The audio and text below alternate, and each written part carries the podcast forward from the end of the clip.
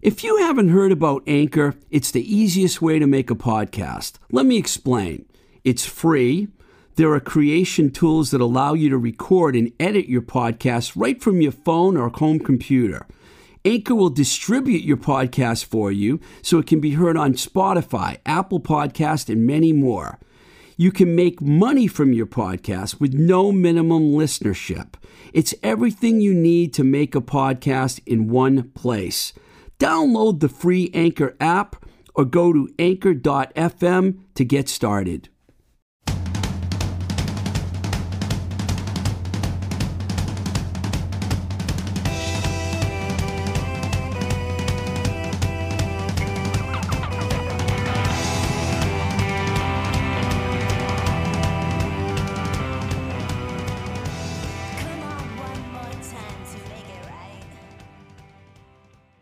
Welcome to Blowing Smoke with Twisted Rico. I'm your host, Steve Ricardo. It's great to be back here at the Azorean Cafe in the Bloomfield section of town in Pittsburgh, Pennsylvania.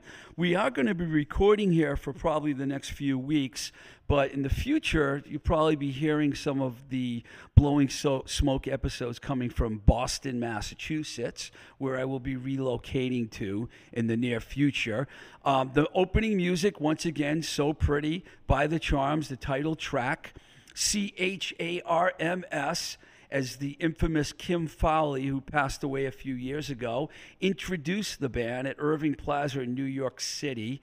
Uh, while when they were opening for Rocket from the Crypt in 2004, Kim Fowley originally was going to produce the Charms Pussycat record. He actually played a big role in that record because he helped arrange the record. It's one of the most oddest things ever. The record was arranged over the phone uh, with me as the middleman between him and the band, and we went over each track, and he did all the arrangements. It was one of the most amazing experiences. I've ever been through. Even though Kim is not liked by some people, he's still one of the great songwriters and arrangers in rock history. I'm sure everyone is familiar with the work he did with Joan Jett and the Runaways. Um, the Pussycat record, which came out on Red Car Records, was uh, just an amazing record for the band, probably their best record, and Kim definitely played his part on that. I've got a funny story that I'm going to tell you this week to start things off. Um, I went to this coffee shop that I go to fairly often in Pittsburgh, and uh, down the street from where we are here at the Azorean Cafe. And uh, my friend Melissa was behind the counter. She was talking to a girl who was. It was weird because we had this immediate immediate attraction with one another. It doesn't happen very often to me anymore. When I was younger and I was more of a playboy, as one of my friends calls me, um, that would happen a lot, but it doesn't happen much anymore. And we had this great connection. And Melissa says, Steve, why don't you tell Ava that you signed Poison? And I looked at her like, why would I tell her that? And all of a sudden, this guy in the background goes, Yeah, why would you tell anyone that you signed Poison? Why would you ever want to admit that? Which I thought was pretty hilarious. But uh, you know, my early work with the band was uh, very meaningful of getting my career started. But they weren't. They're not a band that was popular with a lot of people. They were passed, by the way, by every single major label at the time back in '84 and 85 when we signed them to Enigma. My friend Debbie Rogers, who I worked with at Green World Enigma, and Jennifer would urge me time and time again to go and see this band called Poison. And I finally dragged my butt out to the Troubadour in West Hollywood.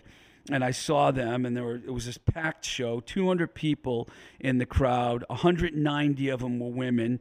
And, you know, I couldn't resist but to like pester everyone at Enigma about signing the band. And we finally did get them signed. And, as you know, Look What the Cat Dragged In ended up selling 4 million copies, and their subsequent records did quite well. And there is an outside chance that they might get in the Rock and Roll Hall of Fame someday. I'm hoping for that. But it, well, it was always a controversial thing in my career. There was always someone that was either telling me, How could you sign that horrible band? or someone telling me, they're great. I love them. Do you really know them? Can you get me Bobby's phone number? You know, but it, it, this controversy surround me for years. There was another act actually that I signed to Roadrunner called The Great Kat, which is probably even more controversial than controversial than that. While I was still at Enigma, I received a tape in the mail. There was always a pile of tapes behind Scott Vanderbilt's desk at Enigma, who was one of the other A&R people there. And I used to be the one to go and grab stacks of tapes and listen to them until I found something I liked, and then I would actually contact the band. Well, I heard the great Great Kat's three song tape. It was this blistering thrash metal with violin solos from a Juilliard um, graduate. And I actually called her, which could have been usually when you call someone or you're i think i sent a post i actually sent a postcard and said sounds great keep submitting material. Well one day the Great Kat showed up in california at the office with her two bandmates without any warning and she was just a trip. So when i left enigma and i went to roadrunner i spoke to Cees Wessels the owner of the company about the Great Kat, and he agreed that we should sign her which we did she um, may have alienated many people along the way, but um, I have no regrets whatsoever about signing the Great Kat, as I have no regrets about Poison. I, both controversial in different ways, but both bands that I look back at my career and I'm proud to have worked with. So, back to modern day history. Uh, how great were the homicides last week? It was like an epic punk rock show for sure. I thought everyone's list of their favorite top 10 punk songs was a lot of fun. The band was fun. I really like them a lot, and I'm, I'm wishing them a lot of success in the future. I think they have the kind of mentality and work ethic that'll get them far. They, if they go on the road more and tour more, I can see them making more fans. Speaking of punk rock, this past week, which uh, by the time this airs will be a few weeks ago, the Chris Doherty benefit, uh, Not Another Wasted Night, took place at the, at the Paradise in Boston. Sadly, I couldn't make it to the show. Uh, the, it was a benefit for Chris, who suffered a stroke. Chris is the leader of Gang Green, a band that's been around since the early 80s, one of uh, the great punk hardcore bands in uh, American history the show, luckily for me and other people that weren't there, was streamed live, a great portions of it on the internet. So I got to see portions of Slapshot, Tree, the FUs, Jerry's Kids, who were a last minute fill in for Evan Dando, who for some reason didn't make the show. Uh, other bands that played were Unnatural Acts and White Dynamite. I didn't get to see them or the Dogmatics uh, any of the clips from them. The Skate to Hell band was like the the Gang Green cover band, which featured Keith Bennett from Wrecking Crew, uh, J.R. Roach from Sam Black Church on drums, uh, Rockin' Bob Cenci from Jerry's Kids on guitar, and the Stilphen brothers, Chuck and Glenn, who both played with um, Gang Green on the legendary Another Wasted Night record. Um, couple things I want to say about what I saw is Jerry's Kids. I mean, I was at the the uh, hardcore reunion show. I believe it was in like 2011, 2012, when DYS and um, DFUs and Gang Green played. And Jerry's Kids, I thought, were the best band of the night. They are such a phenomenal live band, and watching them streaming live the other night, I was just blown away by how tight and how good that band is. I think of all the Boston hardcore bands, they're probably the best live band of all of them. I think there's other people that would probably agree with me on that because the way they deliver it on stage is just the musicianship is phenomenal. I mean, the whole band really, really good. Uh, one crazy thing that happened before I tell you about the band that actually stole the show, not just in my opinion, but in everyone's opinion, uh, that wasn't the one of the hardcore bands on the bill, the Outlets, which I'll get to in a minute. There was something really crazy that happened Daryl Shepard, who's uh, you might know, he's a longtime guitar player from Roadsaw. He's now in a band called Test Meet, and he's played in many other bands. Great Boston guitar player. One of his videos, I was watching it, and during the Skate to Hell band set, a bunch of people got on stage. I don't recommend that happening too often, but it, it did happen that night where someone called all these people on stage. And Chuck Stilphen is standing in the corner playing guitar, and he got pulverized. Somehow, somebody hit someone and hit someone in the him and knocked him right off the stage. His guitar went flying. I guess he's all right. I haven't heard that he got seriously hurt or anything, but it was crazy. That video blew my mind. It's probably going to end up on YouTube because he got wiped out. Now, as far as the show in general goes, uh, several people that I talked to about this told me that the outlets, uh, Dave Barton, Rick Barton, Walter, and Whitey, stole the show. And the footage I saw of their whole set was unbelievable. They only rehearsed one time the night before. They hadn't played together in five years. And they did a sound check. They were so good. It was mind blowing. In fact, I'm going to throw my good friend Alvin Long, uh, former drummer of uh, November Group in Down Avenue, and the, the person that runs Curve of the Earth Records and one of the owners of New Alliance. I'm going to throw him under the bus right now because he didn't get there on time because the outlets went on at a ridiculously early time. I guess they put all the old bands on first, so the old people could get there early, which means I probably would have been there early if I was at the show for it. Alvin told me that when he got there, the outlets just finished playing, and Joan Lindstrom, who's like a well known DJ in Boston from WMBR, berated him and told him that he blew it. He missed the best set, probably the whole night that's going to happen. And several people told me this as well that they just were amazing and and stole the show. I'm not surprised. I worked with those guys a long time ago. Uh, they were also on Enigma Records, Restless Records, actually, under the Enigma umbrella. And I worked with Dave Barton on uh, when I was at Third Stone, and Rick.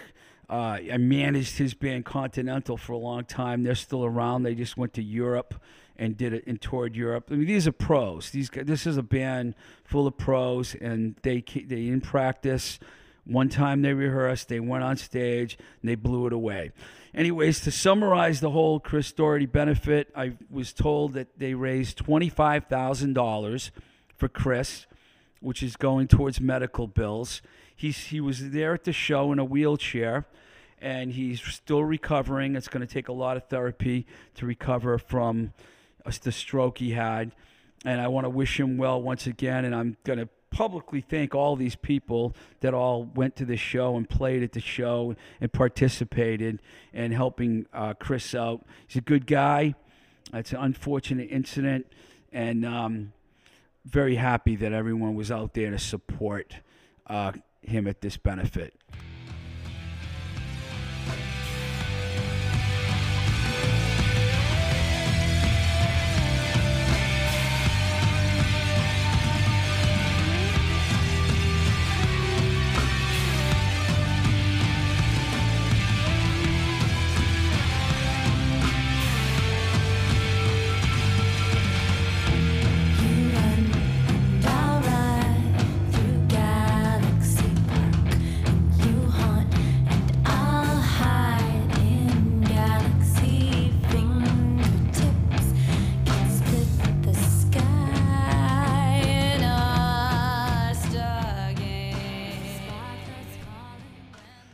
That was uh, somewhat of an obscure track for some people that we just heard a portion of. The band's called Flexie. Song is called Galaxy Park. Uh, really good Boston band.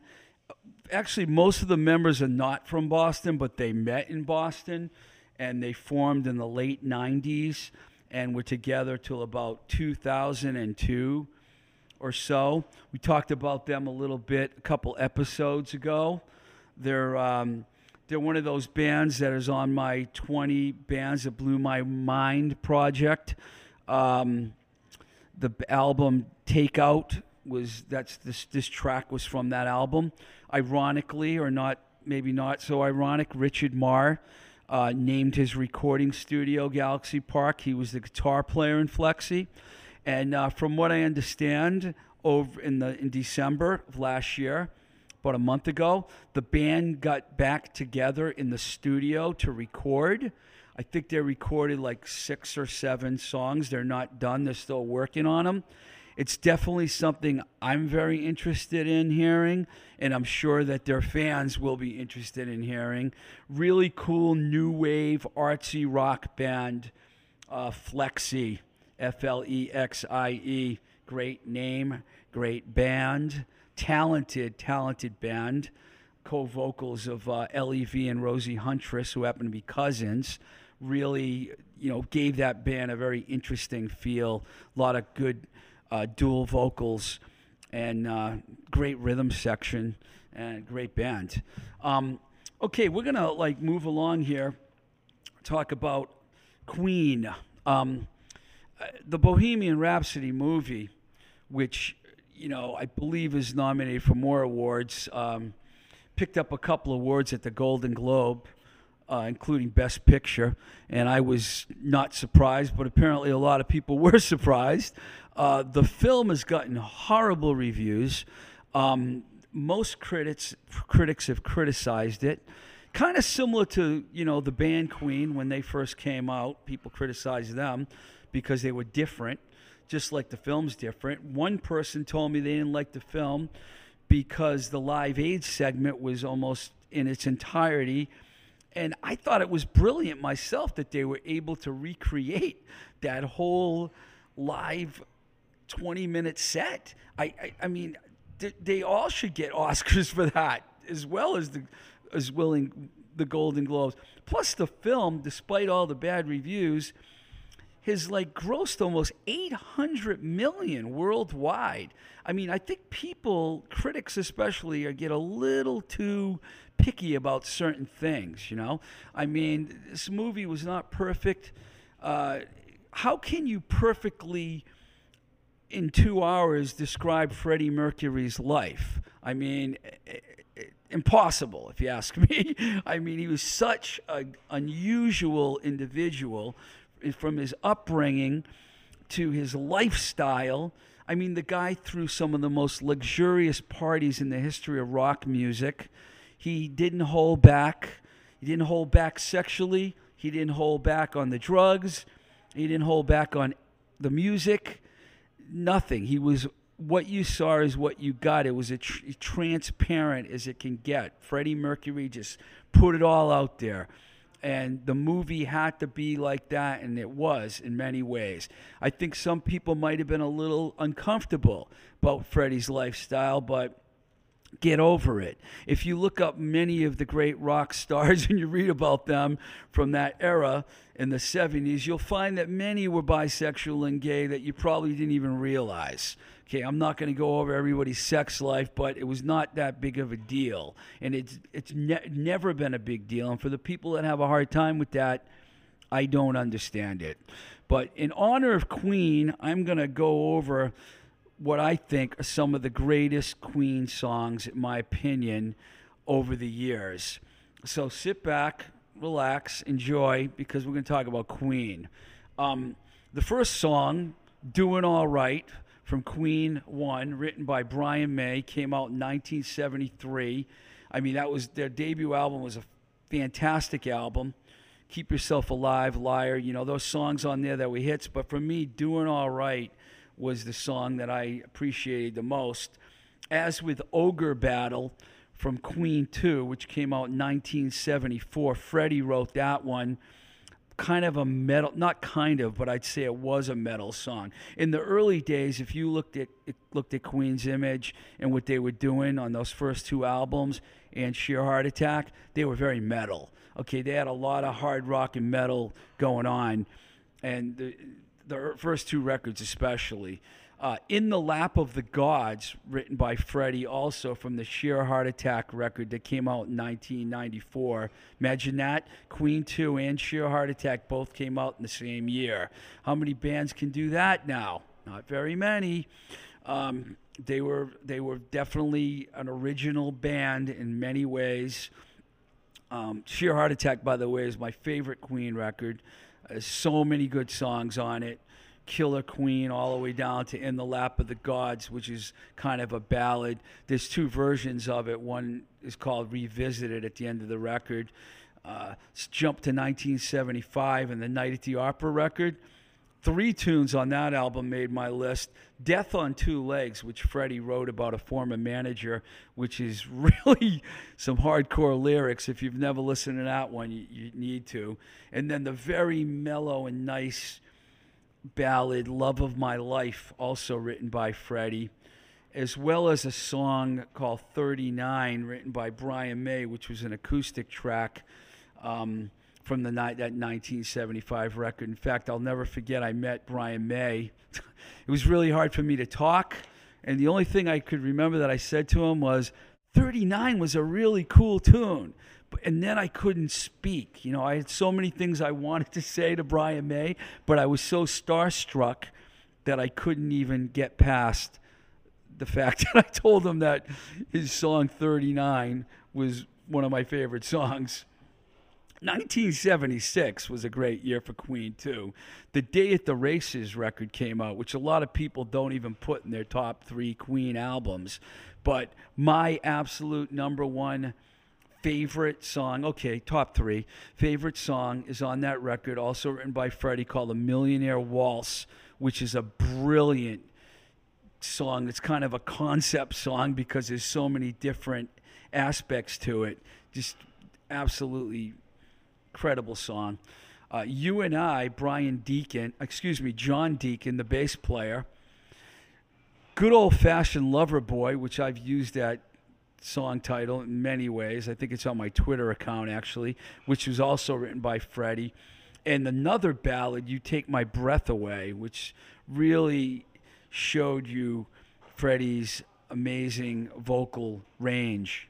Now, the, the next record they released in 1977 was uh, News of the World, which, when that came out, I was a teenager and I was like, didn't think I could possibly ever hear a better record again for the rest of my life because Spread Your Wings, which is written by John Deacon, and It's Late, written by Brian May, a two, you know, they would probably be my other two favorite Queen songs to go along with the Millionaire Waltz. So we got a Dean song, a May song, and a Mercury song.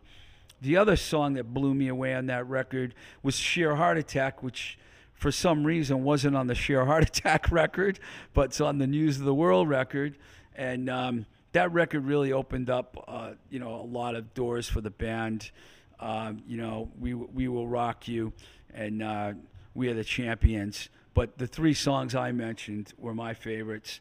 I always liked more of the hard edge songs and the Mercury ballady type songs.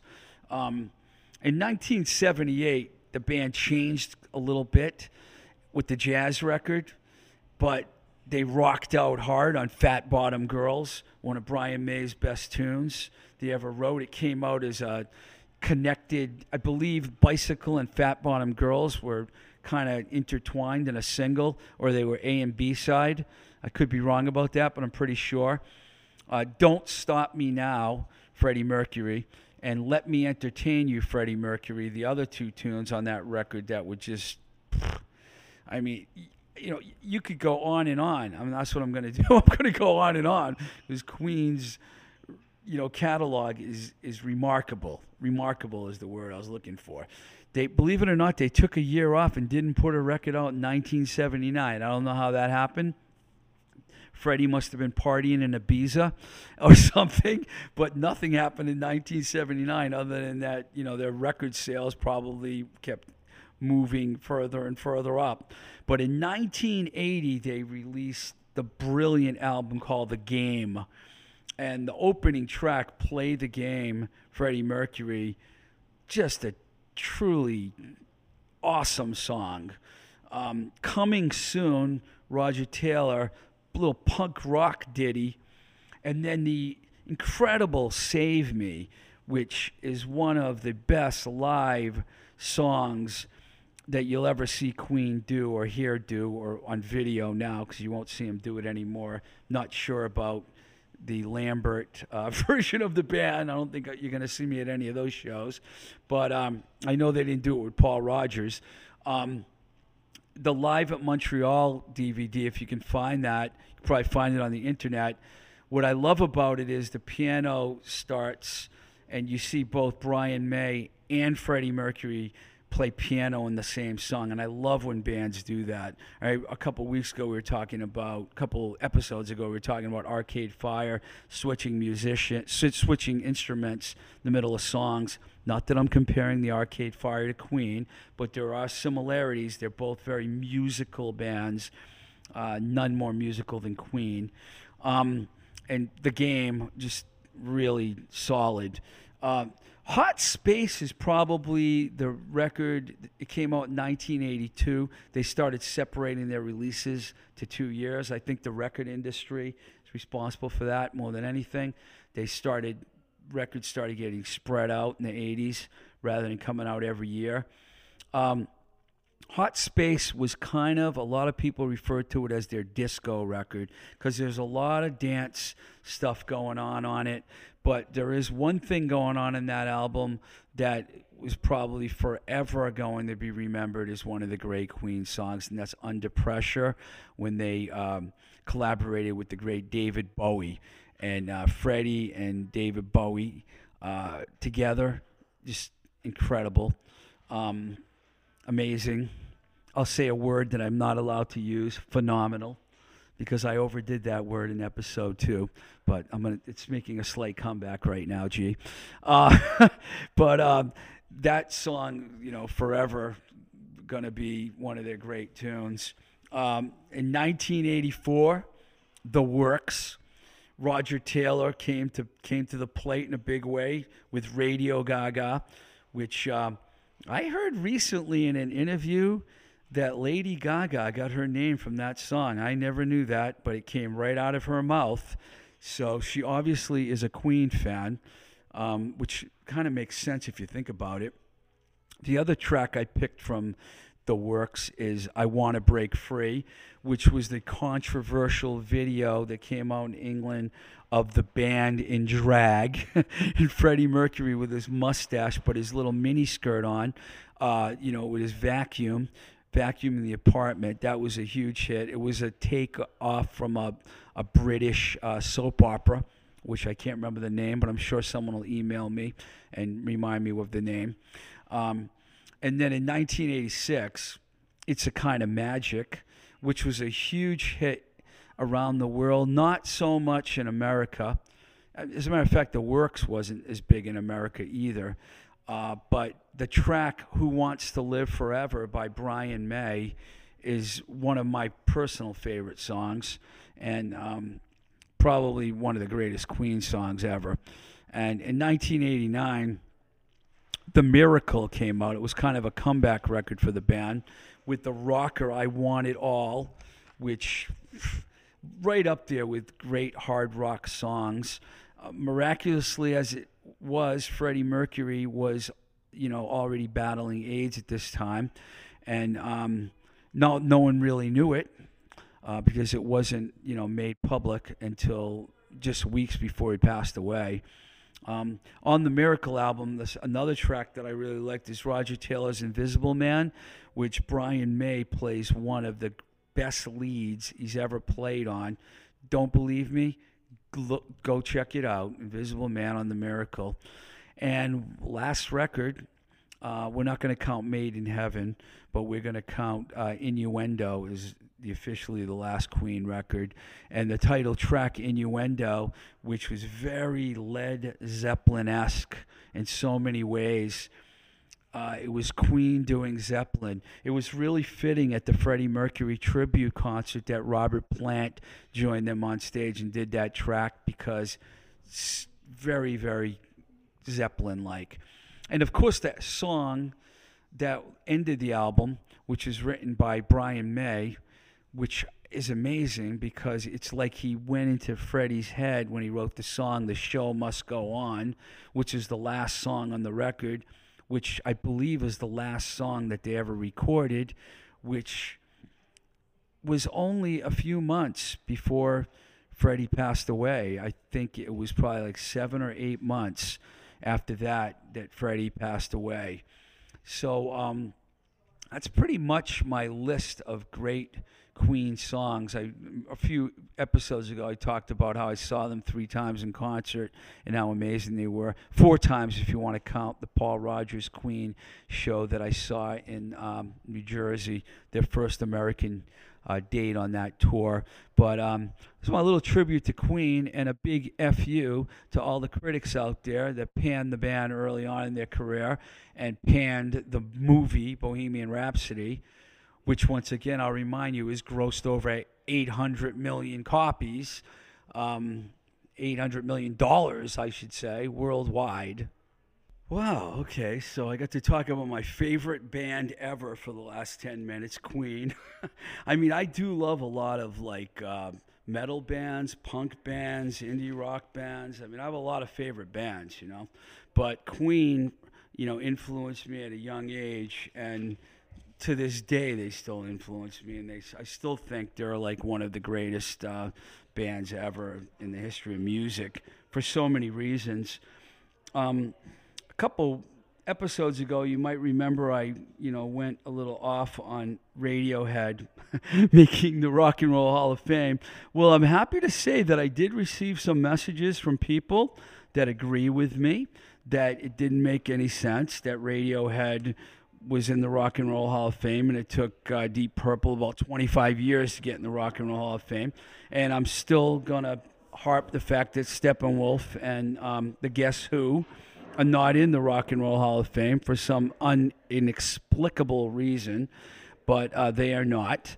And this year, there were a couple people that didn't get in that I didn't mention that I thought should have got in. Todd Rundgren, who not only for his great songwriting, but the fact that he's like a amazing producer who's worked with so many different kinds of people, everyone from Badfinger to Patti Smith, you know, and also Devo. I thought Devo was was on, they were on that list of nominees, and I thought there was a chance that they would get in, you know. But I also get a lot of support for Roxy Music because you know Roxy's one of those bands that they were really one of the first prog you know, rock bands, and Bryan Ferry, you know, the whole band really was, was very instrumental in influencing a whole generation of those bands from from that era. You know, uh, some of the others that came out around that time, like Genesis and Yes, and they were all, you know, King Crimson. They were all very instrumental in, in creating that the progressive rock movement that led to like bands like Rush, you know, and Queensryche and you know Fates Warning and Dream Theater, and you know you could go on and on because um, progressive rock isn't really at a high point these days, but in the 80s and 90s there were a lot of great progressive rock records released. Uh, and you know, Roxy kind of paved the way for a lot of those bands. Um, I'm just hoping that the Rock and Roll Hall of Fame kind of like stops neglecting these older bands. I mean, you know, you, you can also make a point for like Iron Maiden and Judas Priest. You know, there's a lot of people that are going to probably say Slayer should be in the Rock and Roll Hall of Fame, and I'm not a huge Slayer fan, but I'm not going to disagree with that. Um, you know, I mean, then you've got like, uh, you know, you got to take a hard look at the glam scene from the '80s you know, I mean, we talked about Poison a little while ago. You know, uh, you know, Ratt, Motley Crue. I mean, those bands are instrumental bands. You know, uh, whether you like them or not. Um, and, and, you know, as we move on, you know, there's going to be punk bands. You know, I think, you know, I mean, there's a lot of punk bands that you sh- should be in the Rock and Roll Hall of Fame. I mean, MC5 is not in. The Stooges are, but the MC5 is not. So that's another thing they want to might want to take a look at anyways, I mentioned earlier that you know I'm gonna be relocating soon. But in the time being, we plan on recording here in Pittsburgh, and then G and I will figure out a plan for the future when I'm back on the East Coast and how we're going to actually get more episodes. As far as I'm concerned, you know, using the words of uh, Freddie Mercury, since we talked about Queen, we're going to do this podcast till we bloody well die. I'm sure of it. And that's a direct quote from Freddie Mercury.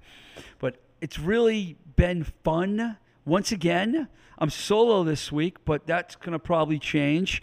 There's a couple of people that we're probably going to get on in the next couple of weeks from the Pittsburgh scene, some real notable local rock stars. So I'm looking forward to that.